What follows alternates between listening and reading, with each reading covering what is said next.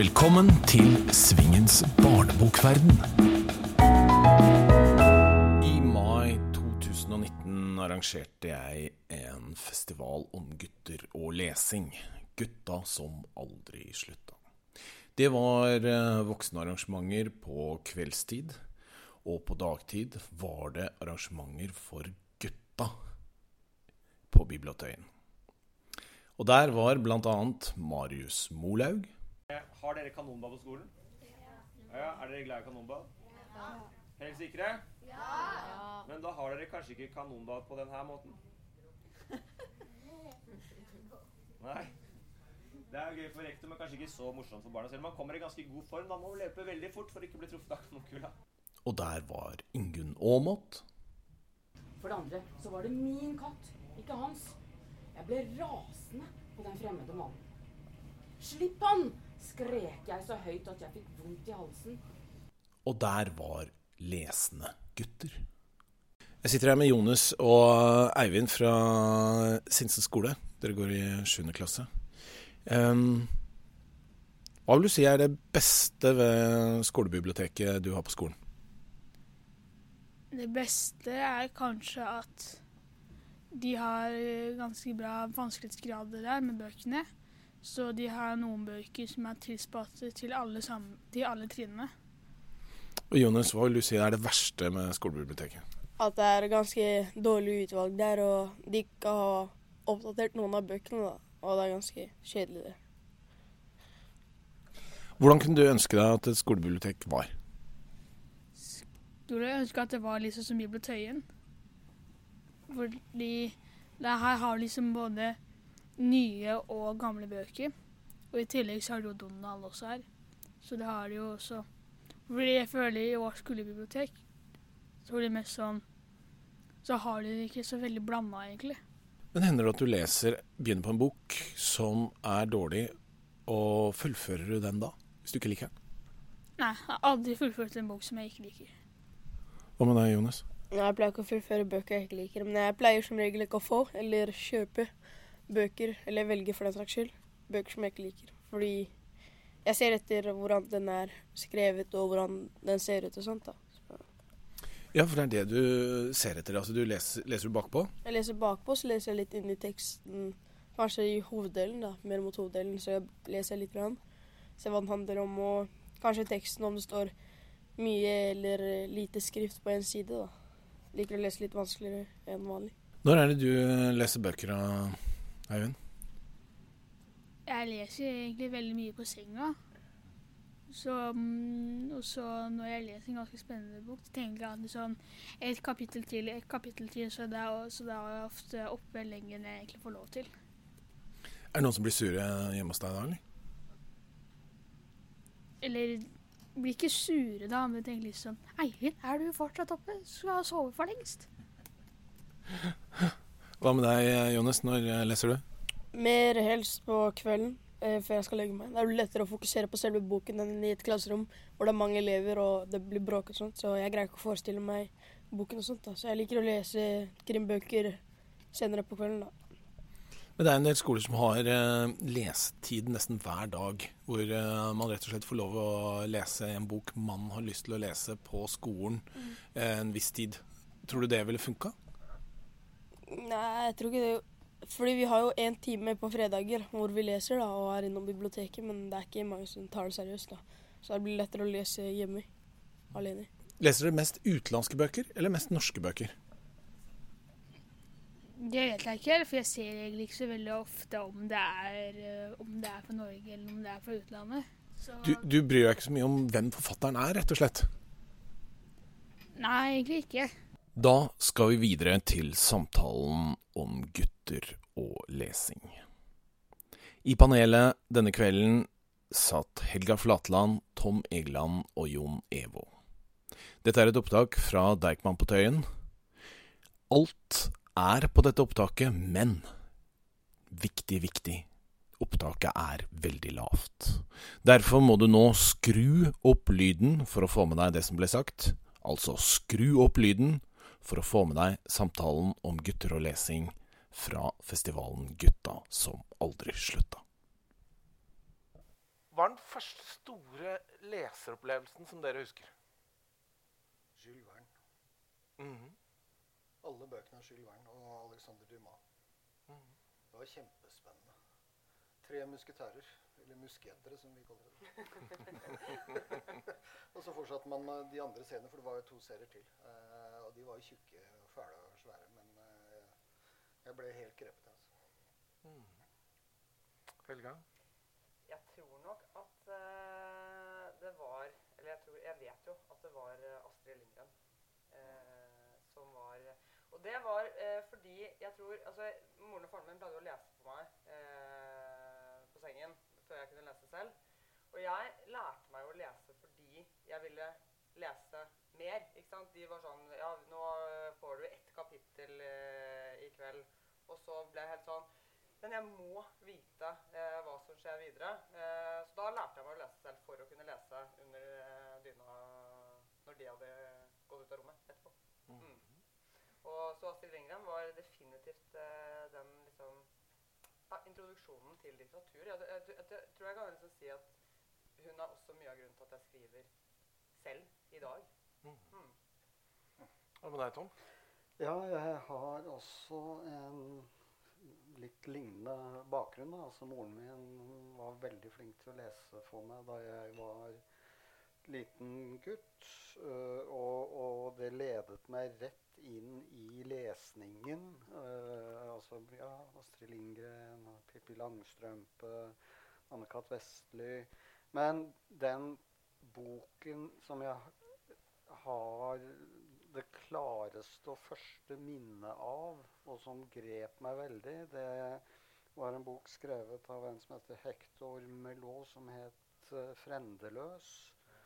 Og jeg vil nesten påstå at det var den som fikk meg til å ville bli forfatter.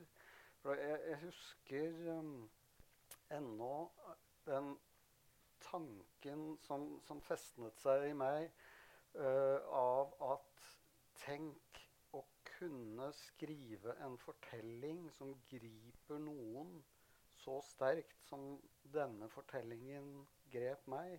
Og jeg, jeg begynte faktisk å skrive en bok uh, som var et uh, plagiat av en annen verden om en stakkars foreldreløs gutt og hans skjebne. Og det ble, tror jeg, tre håndskrevne A4-sider før uh, uh, inspirasjonen og det hele tok slutt. Men, men, men jeg, jeg, har et ganske sånn, klart minne av uh, hvor dypt inntrykk den boken gjorde på meg. Men Helga sa at uh, hennes leseropplevelse i, i, den alderen hadde veldig mye å si for det at hun ble forfatter, og kanskje også leser. Som, jo, i, selvfølgelig. ja. Vil du si noe av det samme? Ja, altså for det, et av de underliggende spørsmålene her i kveld eller på hele festivalen din er jo hva Altså hvordan skal vi få altså for så vidt både gutter og jenter, men spesielt gutter, da, til å lese? Og det fins jo ikke, tror jeg, noe sånn hokus pokus-svar på det. Men jeg tror det er helt avgjørende at foreldrene gjerne leser selv. Altså at barn ser at det går faktisk an å sitte stille i en stol med noe i hånden eller fanget som ikke beveger seg og lager lyd.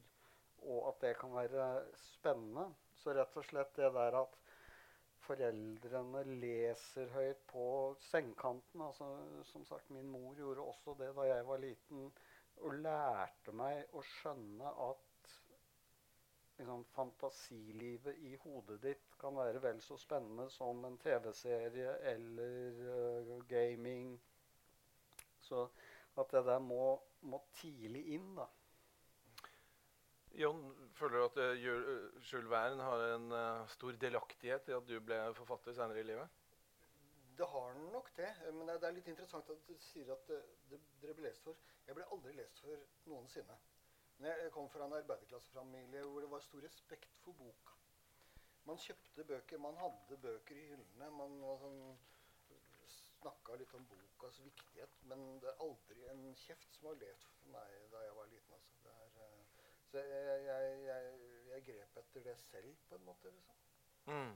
Og så var jeg et litt sånn rart barn, da, så jeg måtte jo finne på noe, jeg også, når jeg falt utafor alt annet. Så bøkene ble mitt tilfluktssted, og, og Jules Verne og Dumas-greiene førte meg til andre ting som også gjorde at jeg hadde tenkt at kanskje jeg også kan skrive en bok en gang. liksom. Mm. En eller annen gang. Det er jo også, altså, som de to gutta før oss uh, var inne på, altså, de ville ha spenning. Og det tror jeg er helt sentralt, uh, i hvert fall for gutter, men kanskje også for jenter, hva vet jeg.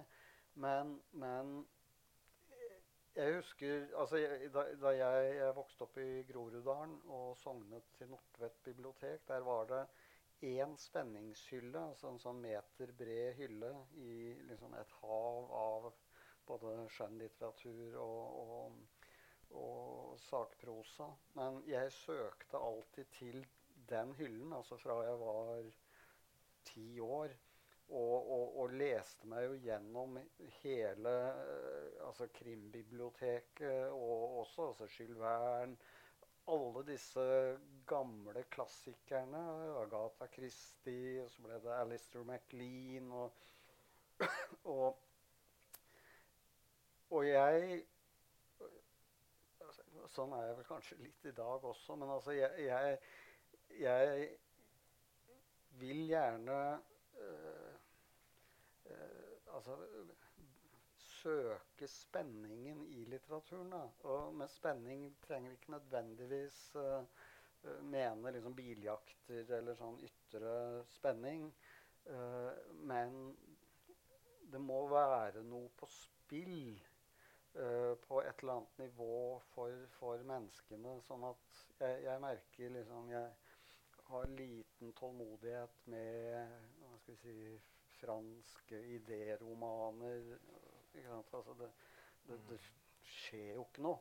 Uh, og det tror jeg i hvert fall uh, unge gutter er uh, ganske avhengig av. At det ikke er liksom slitsomt pedagogisk og politisk korrekt og sånn sosionomlitteratur. Altså, det må skje noe. Det må være sånn at du og, og det husker jeg jo sjøl også.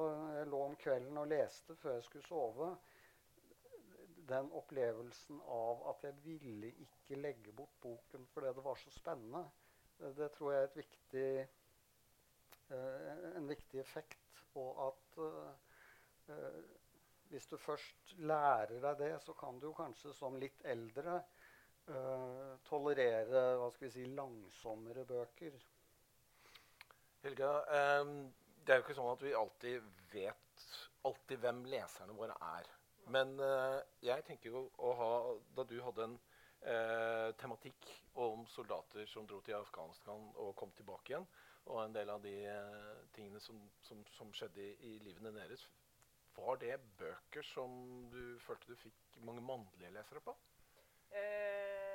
ja, altså det gjorde jeg. Jeg følte ikke bare det. Jeg vet ja, at jeg vet det. Ja. og det på, altså, man vet jo, som, som, du sier, ikke hvem, hvem, leserne er før boken har kommet ut. Man vet jo strengt tatt ikke helt hele, alle leserne etter at den har kommet ut heller. Men, men, min målgruppe Det var jo ikke et sånn bevisst tanke om at nå skal jeg treffe eh, menn med disse bøkene. Men det er jo noe med at jeg også i den trilogien har valgt fortellerstemmer som eh, altså Det er tre menn og en kvinne som får fortelle historien. Eh, som gjør at jeg tror at både tematikken og det at karakterene var uh, mannlige, gjorde at det var uh, mer interessant for menn å lese. Og så er jo det den bonusen, da, fordi at målgruppen for 'Bli hvis du kan' var jo voksen. Uh, altså det er en voksenroman som forlaget har definert den. Men den har jo også fått mange unge lesere. den har jo blitt lest på ungdomsskoler og videregående skoler hvor jeg vet at det er mange unge gutter som har lest den. Og der er det ikke nødvendigvis For er, der er det ikke så mye I, i 'Brus du kan reise du må', som var den boken jeg debuterte med, da er det ikke så mye spenning. Det kan se sånn ut på utsiden fordi den på en eller annen måte skal ta for seg unge menn i krig. Men de er jo knapt i krigen. Altså Det som foregår, er en Jeg vil påstå at det er en ganske universell oppvekstskildring da, i en liten bygd i Norge. Og det jeg fikk tilbakemeldinger fra disse guttene som hadde lest den, var jo den derre gjenkjennelsen som var viktig. Altså gjenkjennelsen i hvor vanskelig det er å være ung. Og da er det ikke eh, nødvendigvis kjønn det går på, men, men dette med alle de valgene Kanskje spesielt hvis man er ja, Ikke spesielt i min generasjon, men nå skriver jeg jo fra min generasjon. Men, men hvor det er mye å ta stilling til, og eh, både innvendig og utvendig, og hvordan man på en eller annen måte skal håndtere eh, livet som av og til er fryktelig vanskelig da, som ung. Og det, det har jeg fått mange tilbakemeldinger på. Så jeg er ikke så veldig Jeg tror kanskje ikke at det må være så veldig mye sånn eksplosiv spenning. Eh, men at gjenkjennelse også har ganske mye å si. Men tror du ikke en del sånn pårørende også kanskje leser den? Altså sånn for jo. å vite hva gutta hadde opplevd? Absolutt. Og ja. der er det jo også selvfølgelig mange fedre, f.eks. Og ja, ja. jeg fikk jo uh, i mange forespørsler da jeg skulle rundt på forskjellige biblioteker om ikke Så kom det foreldre som ville at jeg skulle signere boken til en potensiell soldat. Uh, så det var jo både sterkt og, og men også som sagt da eh, fedre som, mm. som, og mødre. da. Men, eh, men hvor den, det har vært veldig mange flere mannlige lesere av trilogien enn f.eks. min siste bok 'En moderne familie'. for å si det sånn. Mm. Ja. Mm. ja. Om man leser bl.a. Uh, Klassekampen i dag, så ser man jo at boksalget er, går uh, tilbake. Og det gjelder særlig uh, foreløpig, da, i hvert fall norsk uh, skjønnlitteratur. Uh, barneboksalget går ikke like mye tilbake. Men uh, det er jo piler, i hvert fall i øyeblikket, som peker nedover. Og hvis vi i tillegg ser litt på Det finnes jo masse tall da, der ute når det gjelder lesing. Men det kom altså en ny undersøkelse fra Norstat i uka som var. Og Den viste at mellom 15 og 25 år så er det én av fire som aldri leser bøker. Og dette er begge kjønn. Og 72% av de, av de som uh, leser, de leser da mindre enn fem bøker i året. Um, det fins jo andre undersøkelser som viser jo at uh, på skolenivå så ligger da guttene generelt ca. et uh, år etter jentene i lesenivå. Kan ha flere grunner, flere grunner til det. på ungdomsskolen så er jo norskkarakteren der hvor det er en størst forskjell. Gjennomsnittet til jentene er 4,2, og til gutta er 3,5.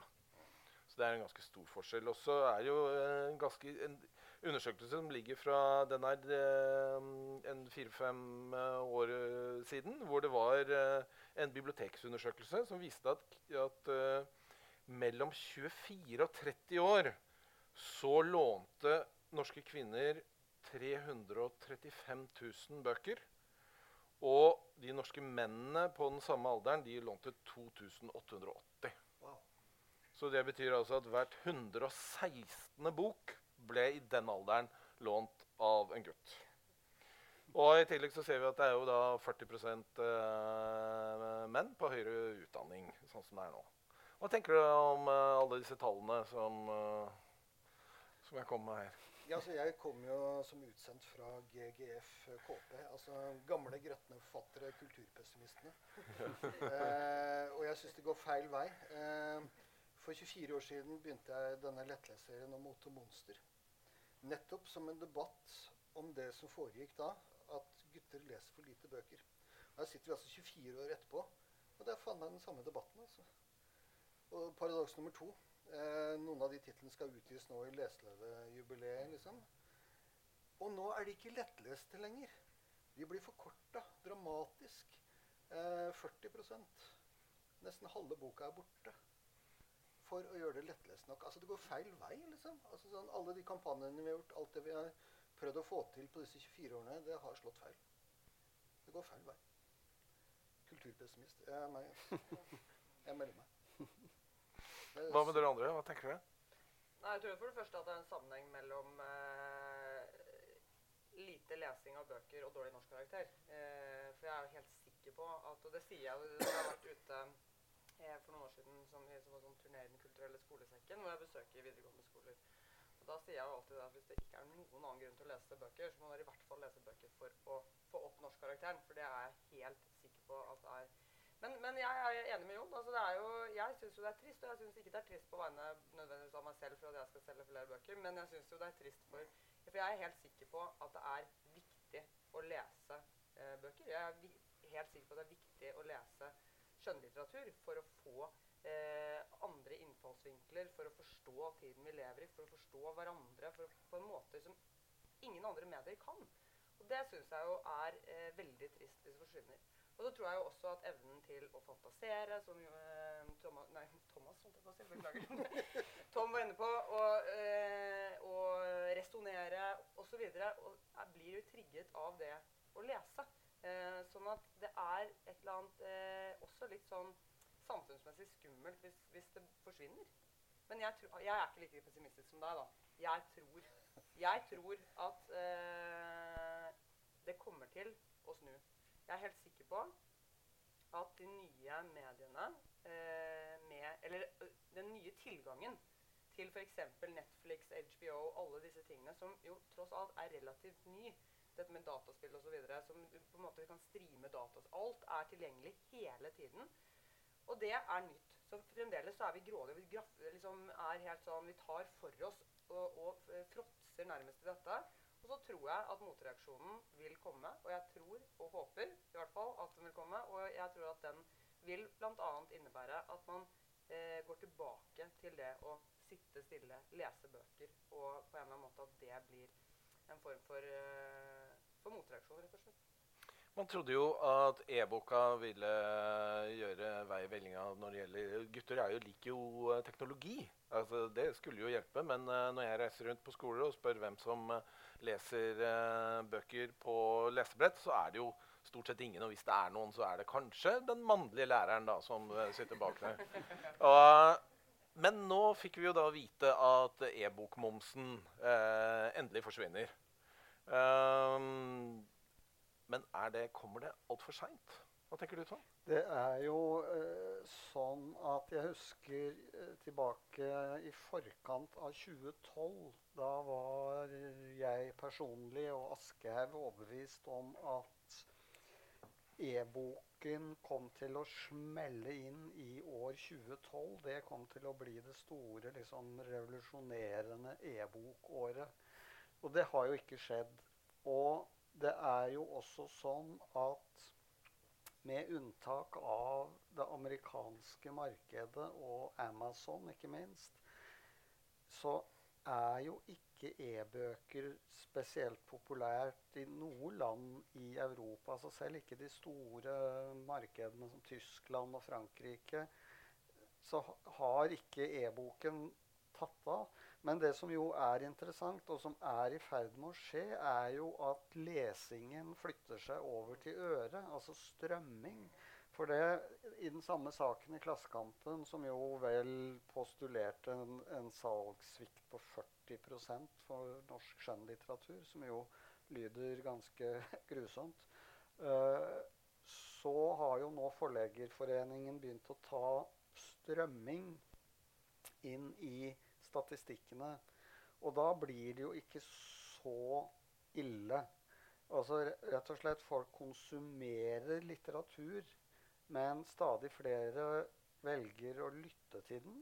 Og stadig flere velger da ikke å lytte til den ved å kjøpe en lydbok, men ved å abonnere på en strømmetjeneste, som jo er dårlig nytt for oss forfattere. For det liksom økonomien i hele bokbransjen endrer struktur. Uh, litt som det var for musikerne da de liksom mistet LP- eller CD-inntektene. Uh, eh, men sånn at jeg er, jeg, jeg er ikke liksom, Hva skal vi si Veldig bekymret. Altså jeg, jeg tror nok Helga har rett i at liksom dette, nå er vi inne i en fase hvor uh, Netflix og HBO er veldig hot. Veldig mye av den kreative nyskapningen skjer jo der. altså Den skjer jo ikke i Hollywood. Og mennesker som før i tiden kanskje ville blitt amerikanske bestselgerforfattere, går isteden til HBO eller Netflix og blir serieskapere. Men så oppdager vi jo også, da, som en av gutta som satt her i, i stad altså, Det er jo faktisk folk som, som, blir forundret når de ser at 'Lord of the Rings' faktisk er en bok også. Altså, øh, og, og samme med Game of Thrones. ikke sant? Der har jo serien innhentet forfatteren. Altså. Han, jeg misunner ikke han som sitter nå og skal skrive en ny slutt på det alle vet. Men altså, problem, jeg ser masse serier selv, så jeg skal ikke snakke ned serier. Men du merker jo at altså, serier eller TV, film, er ferdigfordøyd underholdning. Musikken forteller deg hva du skal føle, om det er spennende eller romantisk. En god bok trener jo opp i den grad hjernen er en muskel, så, så, vil jo på en måte din egen fantasi og innlevelsesevne i hvert fall i mitt tilfelle gjøre mye større inntrykk, og, og det kan sitte veldig mye lenger i enn en tilfeldig TV-serie. Og jeg innbiller meg, altså jeg håper i hvert fall at det er en kvalitet ved litteraturen som folk vil finne tilbake til. Da. Selv om, det, selv om vi nå er inne i en fase hvor man kjøper færre bøker for det, det er liksom enklere å poppe litt popkorn og sette på Netflix enn å åpne en bok. Uh, men altså, hva skal jeg si boken har jo i ulike former levd i flere tusen år, sånn at det uh, vil jo være trist om bokens endestasjon er vår tid. Da. Jeg tror vel ikke det. Jan? Altså, jeg har veldig mange bøker i forskjellige digitale formater. Uh, jeg selger nok kanskje 40 e-bøker i året. Men på de fire siste årene uh, Det første året så solgte jeg 80, tror jeg, på Storytel. Nå selger jeg over 3000. Lydbøker. Ja, altså, ja, så, ja på mm. øret, liksom, som ja. uh, Tom sier. Og det bekymrer meg. Altså, sånn, det er hyggelig for meg, for all del, men det bekymrer meg, akkurat som du sier. Altså, sånn, lesing er inngangen til å erverve seg kunnskap. Altså, hvis ikke folk skal lese, hvordan i all verden skal de få seg en høyere utdannelse? Altså? Du kan ikke lytte deg til der eh, fysikk for viderekomne gjennom Storytel, liksom. Det er jo helt sinnssykt. Men lucky for me, altså sånn, jeg får noe penger. Men, mm.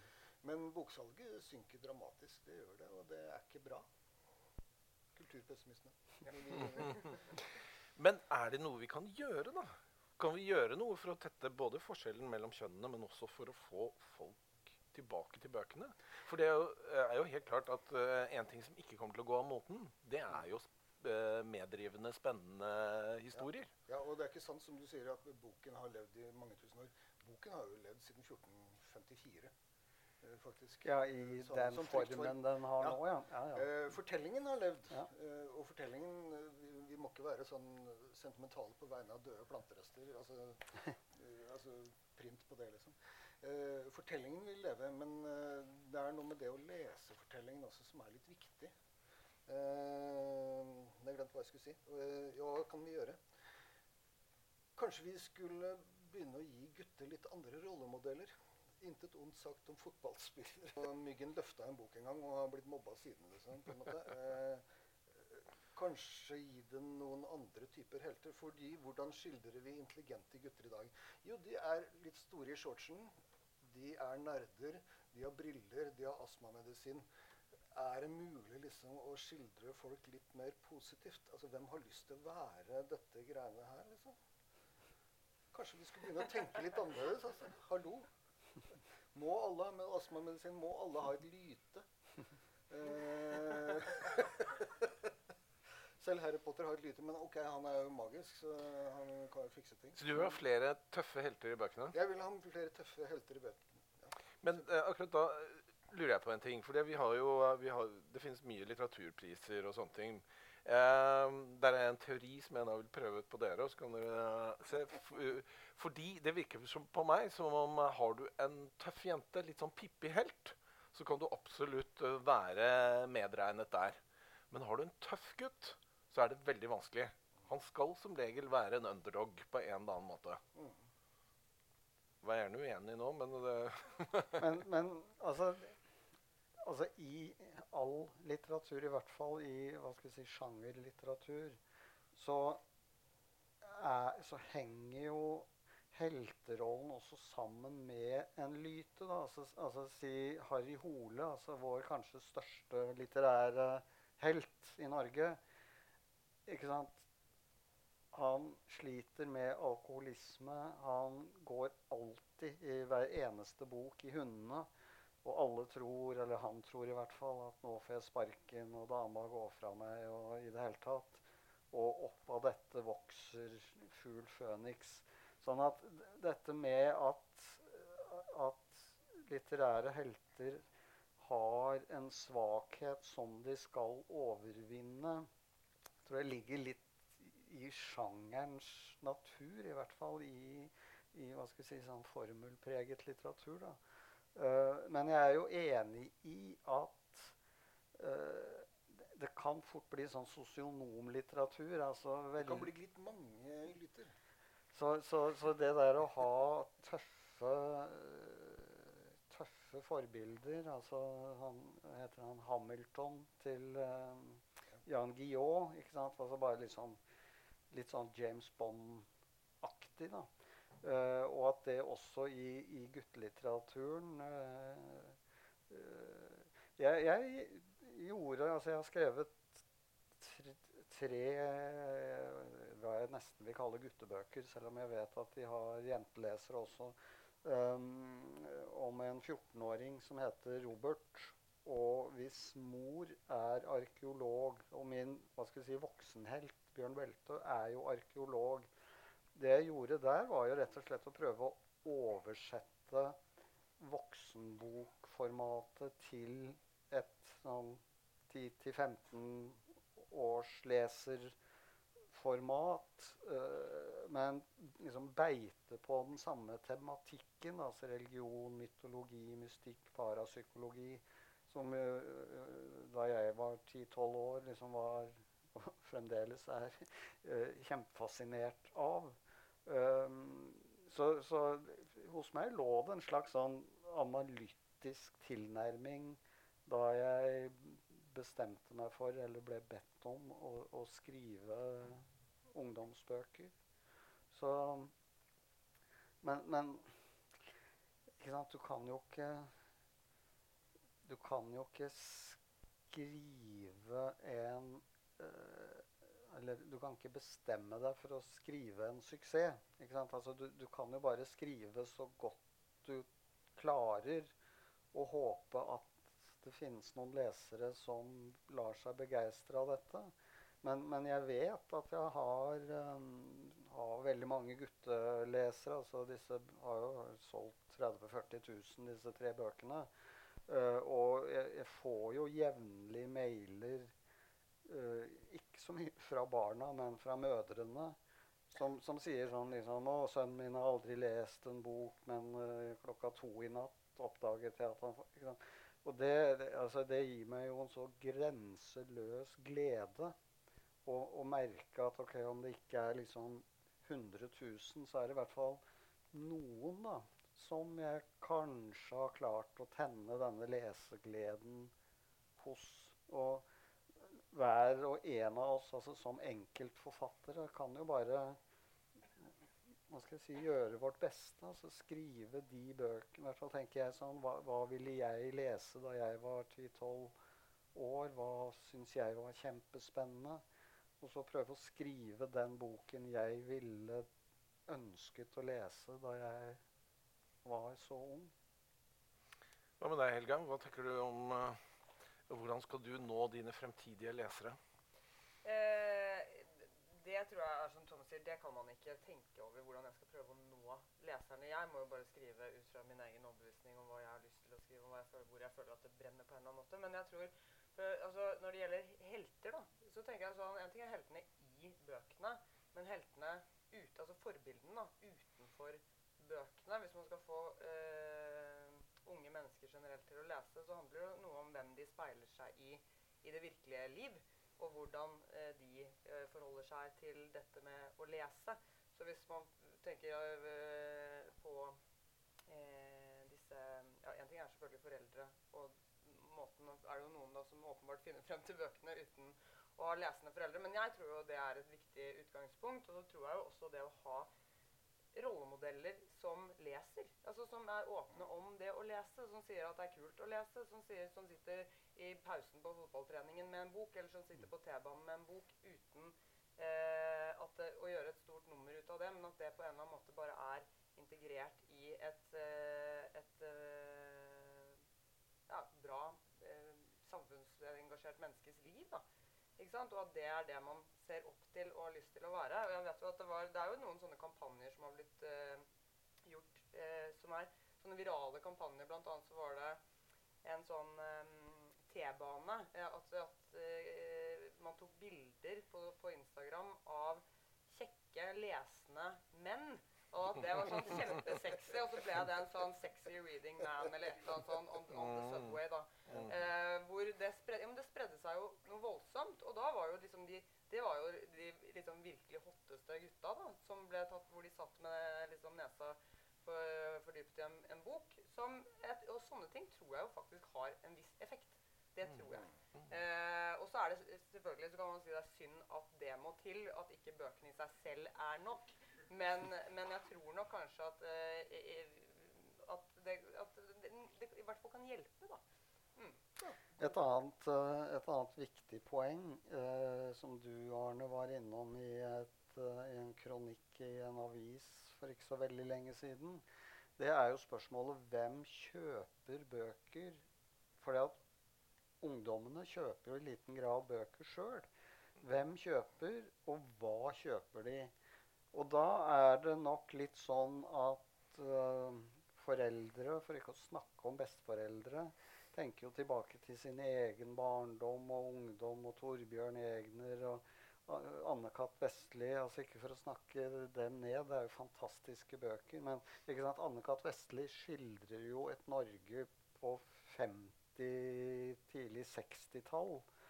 Uh, og hvor orientert er de, og for den saks skyld bibliotekarer, om liksom, hva er hot nå?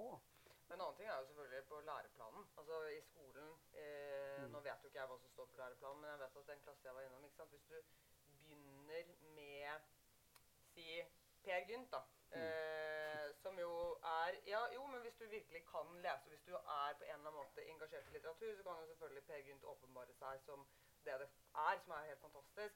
Er du derimot ikke det, men skal begynne på din første bok, så er kanskje ikke Per Gynt eh, stedet å starte. ikke sant? Og at man da heller lar disse elevene finne frem til de bøkene om dataspill for den saks skyld, eller hva som helst, som gjør at innfallsvinkelen til lesing at den er litt lavere. Eh, at man ikke trenger å føle eh, det er, ikke sant? Det er jo noe i slekt med det du sier, at, at på en måte de utdatert, eller det som føles utdatert, eller det som føles som dette har ingenting med meg og mitt liv å gjøre i det hele tatt. Før de får en innfallsvinkel som gjør at de skjønner at det har alt med meg og mitt liv å gjøre. Eh, men, men, at man kanskje det, at det også er annen, Men det vet jeg ikke nok om hvordan det fungerer i skolen til å uttale meg skråsikkert. Men hvis det er sånn, så tror jeg nok kanskje at å snu på det og la dem lese noe annet først, er eh, å velge litt mer selv. Ja, la oss snakke litt om uh, foreldrene og litt om uh, bokhandlerne. Fordi uh, Det finnes jo da en liste over de bøkene som, de 50 bøkene som har solgt mest i Norge de siste ti årene.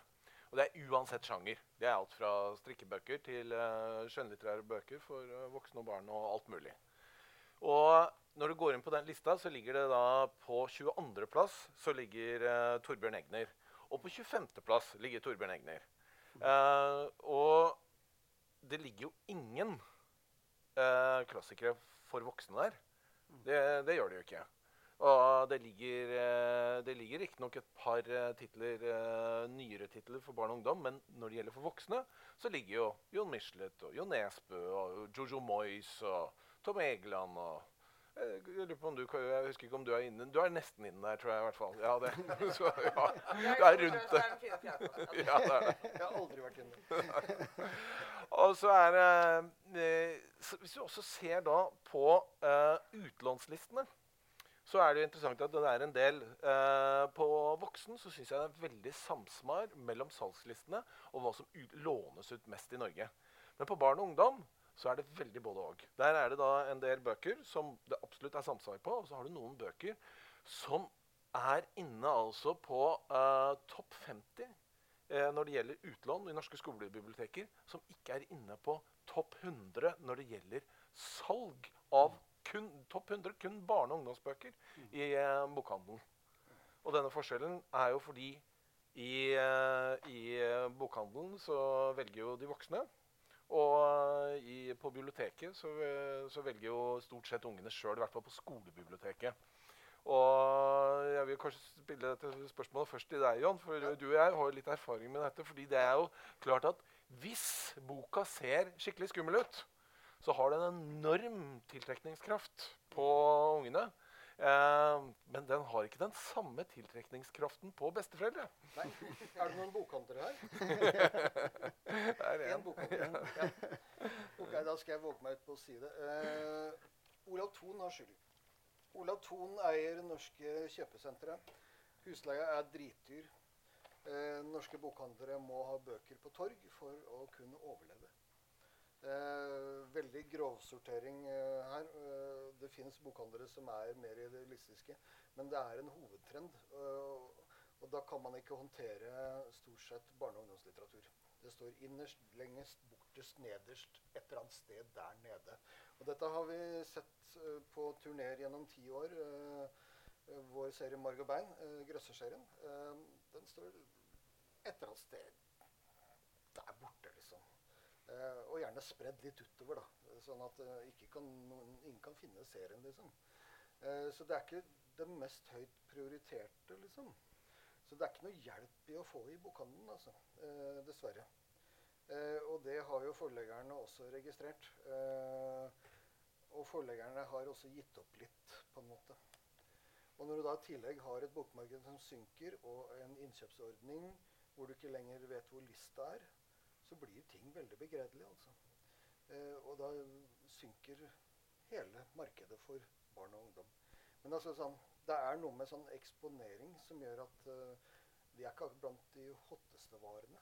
Det kan man trygt si. Men samtidig så er vel da marg og bein, vil jeg gjette, ganske høyt på den biblioteklisten. Ja. Altså, at, hvilket bekrefter tesen din da, om at dette er ikke noe mormor kjøper til Petter på tolv, men Petter på tolv vil mer enn gjerne lese det, må derfor låne den på biblioteket. Petter på tolv sniker seg til biblioteket og finner det der i hylla. Han finner ikke boka der. Hvis han finner det på biblioteket, og jeg tror at uh, veldig mange gir veldig fort opp når de da ikke finner noen av de bøkene som de selv uh, liker. Mm. Og tror dere, hva tror dere er man, Hvis man overhodet ikke er leser som uh, i barne- og ungdomsårene, hva er sjansene for at de blir lesere som voksne? Det er ganske små. Du må ha det inn som barn. Ellers så blir du aldri leser.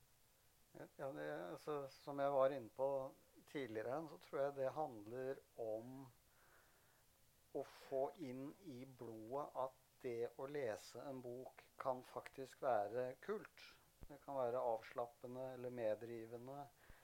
Men hvis du har en oppfatning av at det er kjedelig, og, og som du jo innimellom hører uh, særlig menn da, liksom, som nærmest skryter Jeg har aldri, jeg har ikke lest en bok siden jeg gikk på skolen.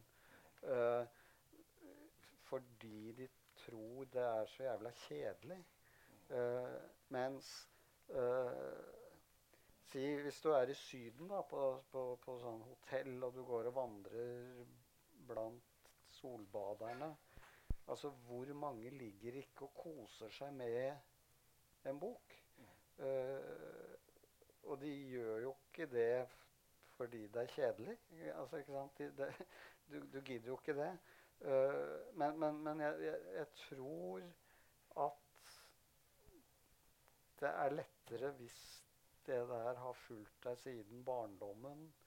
ikke sant, Med Bobsy-barna og Hardy-gutten og Frøken Detektiv og alt som i hvert fall i min barndom liksom knapt nok var lov å ha på biblioteket.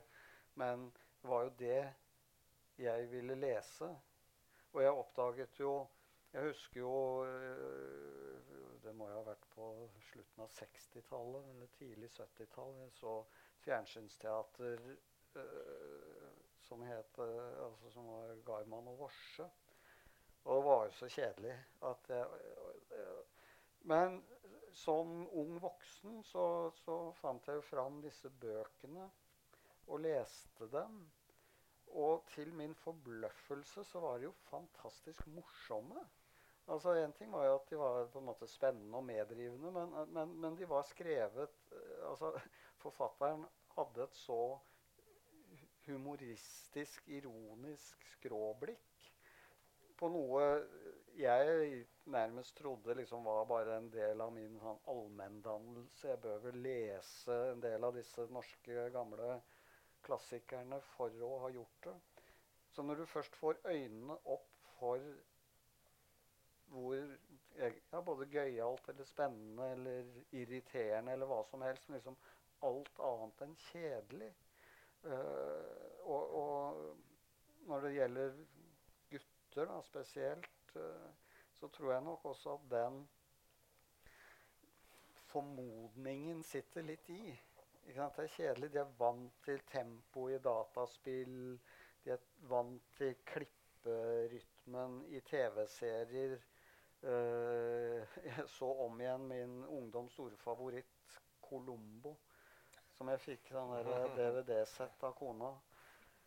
Og det var så treigt. Og jeg husker, jeg elsket jo Colombo, men altså, det, det, hvert bilde lå i 15 sekunder, og det var innso... Ikke sant? Nå varer jo knapt nok et klipp liksom to sekunder. Altså, sånn at hele liksom, tempoet i samfunnet gjør at liksom det mekaniske i å lese fremstår veldig langsomt og derfor kjedelig. Men det er jo ikke det, er jo ikke det mekaniske litteraturen handler om. Det handler jo om det som skjer oppi huet når du leser den teksten.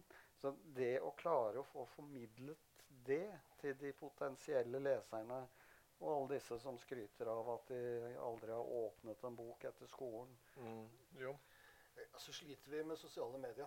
For det er, eh, det er ungdommens eh, Netflix, det er ungdommens uh, streaming også. Altså sånn, det er mye, mye, greiere å gå på uh, diverse sosiale medier og snakke med vennene sine over hele verden. Min datter prater to timer engelsk hver kveld med diverse folk rundt omkring. Hun sier det er mye morsommere det enn å lese ei bok. Hun leser bøker også, men uh, det er paradoksalt. Datter er en forfatter og en bokhandler, men altså, sånn er det, liksom. Eh, Paradoksalt nok så er jo den boken som nå ligger på topp på bestselgerlistene i Norge, er jo en sånn Instagram-poet som uh, er veldig populær på Insta, og som da har samlet disse diktene sine i, i en ja, diktsamling. da. Uh, og, og, Frode Grytten skrev jo i sin tid uh, fantastisk morsomme Twitter-noveller mm. som ble samlet i en eller muligens flere bøker. Uh, og som, altså det, det, er jo høyverdig lyrikk, syns jeg. Altså. Det, det, går for treigt. fordi uh, disse mediene hun er på, det er sånn Skype-varianter. Mm. Du prater én til én, ikke sant? Eller kanskje med flere. Mm. Så det er, det er, noe helt annet enn en disse tekstmeldingene. Ja, og da er vi jo tilbake til dette med hva skal vi si, tempo i samfunnet, ja. altså rytmen i samfunnet. Alt går så jævlig fort. Men er det en løsning at det skal burde det offentlige inn i større grad? Fordi dette er jo snakk om større samfunnsspørsmål, rett og slett. Burde det være flere lesekampanjer? Er det noe som Hva tenker du, Helga? Er det noe de burde Ja. Ja? ja. Mm. Eh, Staten må gripe inn. Ja, ja rett og slett. Nei, nei, nei, ikke gripe inn, men bidra. bidra uh, ja. ja. Eh, jeg, jeg, jeg, tror på alt uh, som på en eller annen måte Ikke alt, selvfølgelig, men noen sånne målrettede på samme måte som vi driver med holdningskampanjer på andre ting, så mener jeg at uh, det er veldig, veldig naturlig, mener jeg, at uh, man på en eller annen måte bidrar til å øke leselyst. da, Fordi jeg mener, som jeg sa innledningsvis også, at det er veldig viktig. Men jeg, men jeg er jo også litt sånn liksom Når man ser på har, Det har vi jo ikke snakket om, vi snakket litt om bokhandlere, men forlagenes rolle også oppi dette. Og, og jeg ser jo også hvordan forlagene, når vi snakker om omslag, de vet jo at deres største målgruppe er kvinner. Og dermed så vil de jo eh, prøve å på en eller annen måte treffe den målgruppen så mye som overhodet mulig, og lager omslag som eh, enten er mer feminine, da, hvis du kan kalle det det, på mine bøker f.eks. Mens jeg ser Tom får jo sånne eh, nye på, på Folken, ikke sant? i trikken, og, og det er liksom veldig actionfylt. Mens eh, En moderne familie, som var min siste, som jeg mener er relativt eh, kjønnsnøytral, da, eh, har fått et sånn knallrosa omslag med eh, liksom feminine detaljer, hvor jeg heldigvis fikk fjernet liksom en håndveske og noe annet. Men, men, hvor, men hvor jeg ser, og det er jo sånn også på Instagram, det er jo, alt skal jo være så Instagram-vennlig, så ser jeg jo noen menn da, som faktisk har lagt ut boken min på Instagram, men har fjernet For på innsiden så er den brun. Eh, de har fjernet eh, omslaget altså, og, og, og smusscoveret så inn på innsiden. Og bare lagt ut det. Men jeg tror jo at forlagene også kan bidra mer eh, til å på en eller annen måte trekke lese, man- mannlige lesere også over i Fordi det, det er jo også en kjensgjerning at kvinner leser jo både kvinner, kvinnelige forfattere og mannlige forfattere, mens mannlige forfattere leser jo i aller størst grad mannlige forfattere. Og det syns jeg også er et kjempeproblem. Så begynner det å bedre seg litt, men, men det er jo også en sånn ting som jeg mener at eh, forlagene kan bidra til. Mm. Mm. Men når det gjelder barn som leser, så mener jeg absolutt at det offentlige kan uh, At staten kan komme inn og, og hjelpe til litt. Mm. Jeg, jeg tror det må være dugnadsånd mellom alle aktørene i bokbransjen. Altså den der, Bokhandlerne, forlagene, kanskje staten, men jeg er ikke så sikker på det. Uh, Og altså forfatterne, alle- eller? Hm? Og forfatterne? Og forfatterne, selvsagt. Ja. Uh, altså, vi må ikke glemme dem. For sånn, hvis vi skal gå den veien som Otto Monster går, så kan vi bare overlate alt sammen til sånne språkforskere som kan konstruere tekster etter de riktige lettleseprinsippene. Og de blir sikkert jævlig gode, tenker jeg. Ikke sant? Uh, Jf. sånn som det går, da. på en måte. Nei, så det er en dugnadsånd ute og går her. Altså, mange må tenke nytt. Jeg tror ikke vi kan tenke de gamle kampanjene i det hele tatt. Men kampanjer, ja. Men de må være annerledes. Og vi er for gamle mennesker her til å tenke nytt. Jeg tror. En, an, en, en annen ting, uh, altså apropos både bokhandlere, men for så vidt også bibliotekarer, selv om ikke det er der penga ligger. uh, det er jo hva de anbefaler. Altså, uh, altså Norsk litteraturpolitikk har jo siden 60-tallet vært veldig vellykket. Altså, vi har innkjøpsordning, vi har momsfritak eh, og, og, og alt dette handler jo om å styrke norsk språk, norsk kultur, norsk litteratur. Men når da en bestemor eller en hvem som helst bokkjøper som går inn i en bokhandel eller på et bibliotek og spør kan du anbefale noe, kan de ikke da liksom anbefale noe norsk? da? Man må jo ikke anbefale Jojo Moyes, som liksom har solgt 500 000 bøker fra før. Eller for den saks skyld eh, Jo Nesbø, som liksom også har solgt 500 000 av den tittelen. Uh, det går jo an å trekke frem altså innenfor ungdom, barne- og ungdomslitteratur altså liksom gode norske titler, ikke disse som liksom selger uansett. altså Hva heter det? 'Kaptein Supertrus' og, og sånne liksom internasjonale bestselgere. De trenger ikke den drahjelpen, men norske bøker kan trenge den drahjelpen.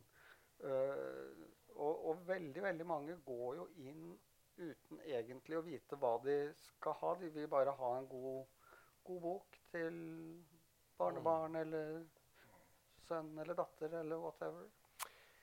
Helt til slutt så skal dere få en uh, ganske vanskelig oppgave. Ja, og, jeg eh, må til- gå nå, faktisk. Ja, parkeringen Nei, jeg skal, eh, nå skal dere forsøke å se inn i framtida. Hvordan ser eh, eh, det litterære Norge ut om 15 år? Forsiktig optimist, i hvert fall. Eh, for jeg tror, jeg tror at vi vil vende tilbake til boka. Og det kan nok Papirboka. Papirboka tror jeg vil få i hvert fall en, en eh, viss eh, hm? Det må jeg svare på. Ja, ja. Eh, men jeg tror nok også at eh, sånn som hvis vi ser til Sverige f.eks., så er jo strømming da det er, vel, er det ikke 40 eller noe sånt av det totale omsetningen av totale lesningen som foregår via strømming av lydbok. Så det tror jeg nok at vi bare må ta med i betraktning at det kommer hit også. Det er på full eh, fart inn. Og så kan man si eh, det aller beste ville vært hvis folk leser på papir, for jeg tror det er en fordel. Men jeg syns jo også at det er en, en, viss trøst i at folk lytter til litteratur også. Eh, og det tror jeg nok at vil leve side om side som TV og radio. da. Men jeg tror som sagt at papirboken kommer sterkere tilbake igjen. Og pessimisten? Pessimisten sier at strømming overtar ganske stor del av dette. Papirboka som vi kjenner den, eh, vil etter hvert fases ut av noe annet. Men vi vet ikke helt hva det er. Uh, og det er ingen, jeg kan ikke egentlig se at det er noen grunn til at det skal komme en motreaksjon. For hva skulle det, hvor, hvor, skulle den komme fra, på en måte? Altså, hvorfor skulle den komme? Fra at man blir mette av all mulig slags input som er laget for deg absolutt hele tiden. Og det er jo på en eller annen måte, som Tom trakk frem i starten, som jeg mener jo er liksom papirbokas store, store eh, fordel, er jo at alt foregår i ditt eget hode. Nesten. ikke sant? Mm. Og det er jo kontrakten mellom oss som forfattere og leserne. At de tar med seg alt sitt og danner sin historie, som er helt unik for den, den, det møtet mellom den boka og den leseren. Og det fins ikke noe annet sted. Det fins heller ikke når noen leser inn i øret ditt, for da legger du trykk der og der, og du holder på sånn. Eh, så det tror jeg Det er jo en sånn som ja, Jeg skulle ønske at det var sånn, på en måte. Eh, for all del. Ja. Altså, ikke misforstå meg. Men, vi ser om 15 år. Jeg, jeg, ja, ikke sant, vi ser om 15 år. Men jeg, jeg, tenker mer sånn at vi er i det der skisma som er mellom papirrullen og den skrevne boka av munkene. Eller den skrevne boka av munkene og Gutenberg. Mm. Ja, vi er i et sånt skisma. Altså. Tom, nå får du siste ord.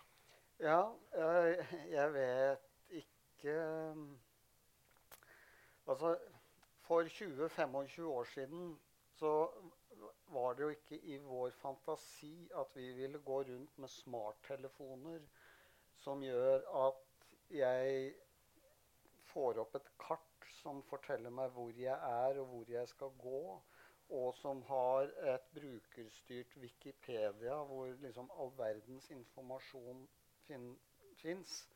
Sånn at at vi skal se inn i fremtiden, tror jeg og, altså, Jeg satt selv i forhandlingsutvalget i Den norske forfatterforening da vi fremforhandlet uh, strømmeavtale. Uh, og ingen av oss altså det, sånn, altså det vi egentlig forhandlet, det var på e-bok. Det var betingelsene på e-bok. Og så var det noe som het strømmegreier, som vi på en måte bare hadde med som en sånn parentes. Og, og både forleggersiden og vi forfattere var hjertens enige om at dette aner vi ikke Det nytter ikke å forhandle. Så jeg håper jo nå Forfatterforeningen reforhandler den elendige kontrakten når vi nå ser hvordan det er gått, og hvordan ikke minst altså Cappelen Dam, som eier Storytel, liksom bare Altså det er jo noe med fordelingen av bokkrona hvor vi som leverer råstoffet da, altså Uten forfattere har det jo ikke noe bokbransje.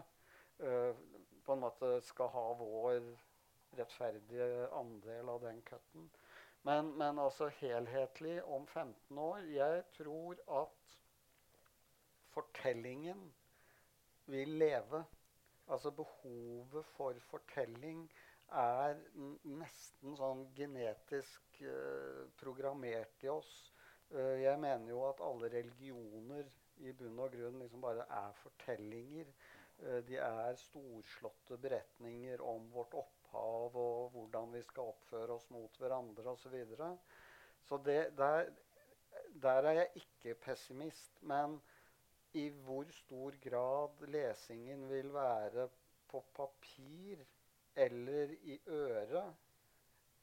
Og jeg er nesten jeg, altså jeg er blitt mer og mer sånn e-bok-skeptisk. Altså jeg tror ikke e-bok tar av. Altså det er, okay, det er lettvint å bestille fra Amazon og få inn på Kindle. Jeg skjønner de argumentene. Men det virker ikke som noe marked i verden på en måte tar dette til seg.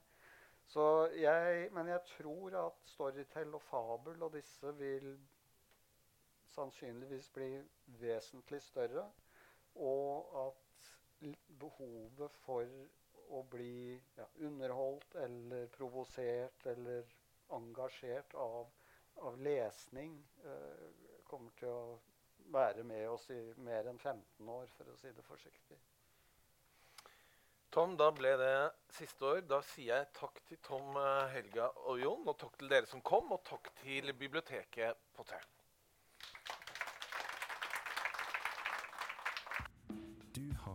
Svingens barnebokverden med Arne Svingen.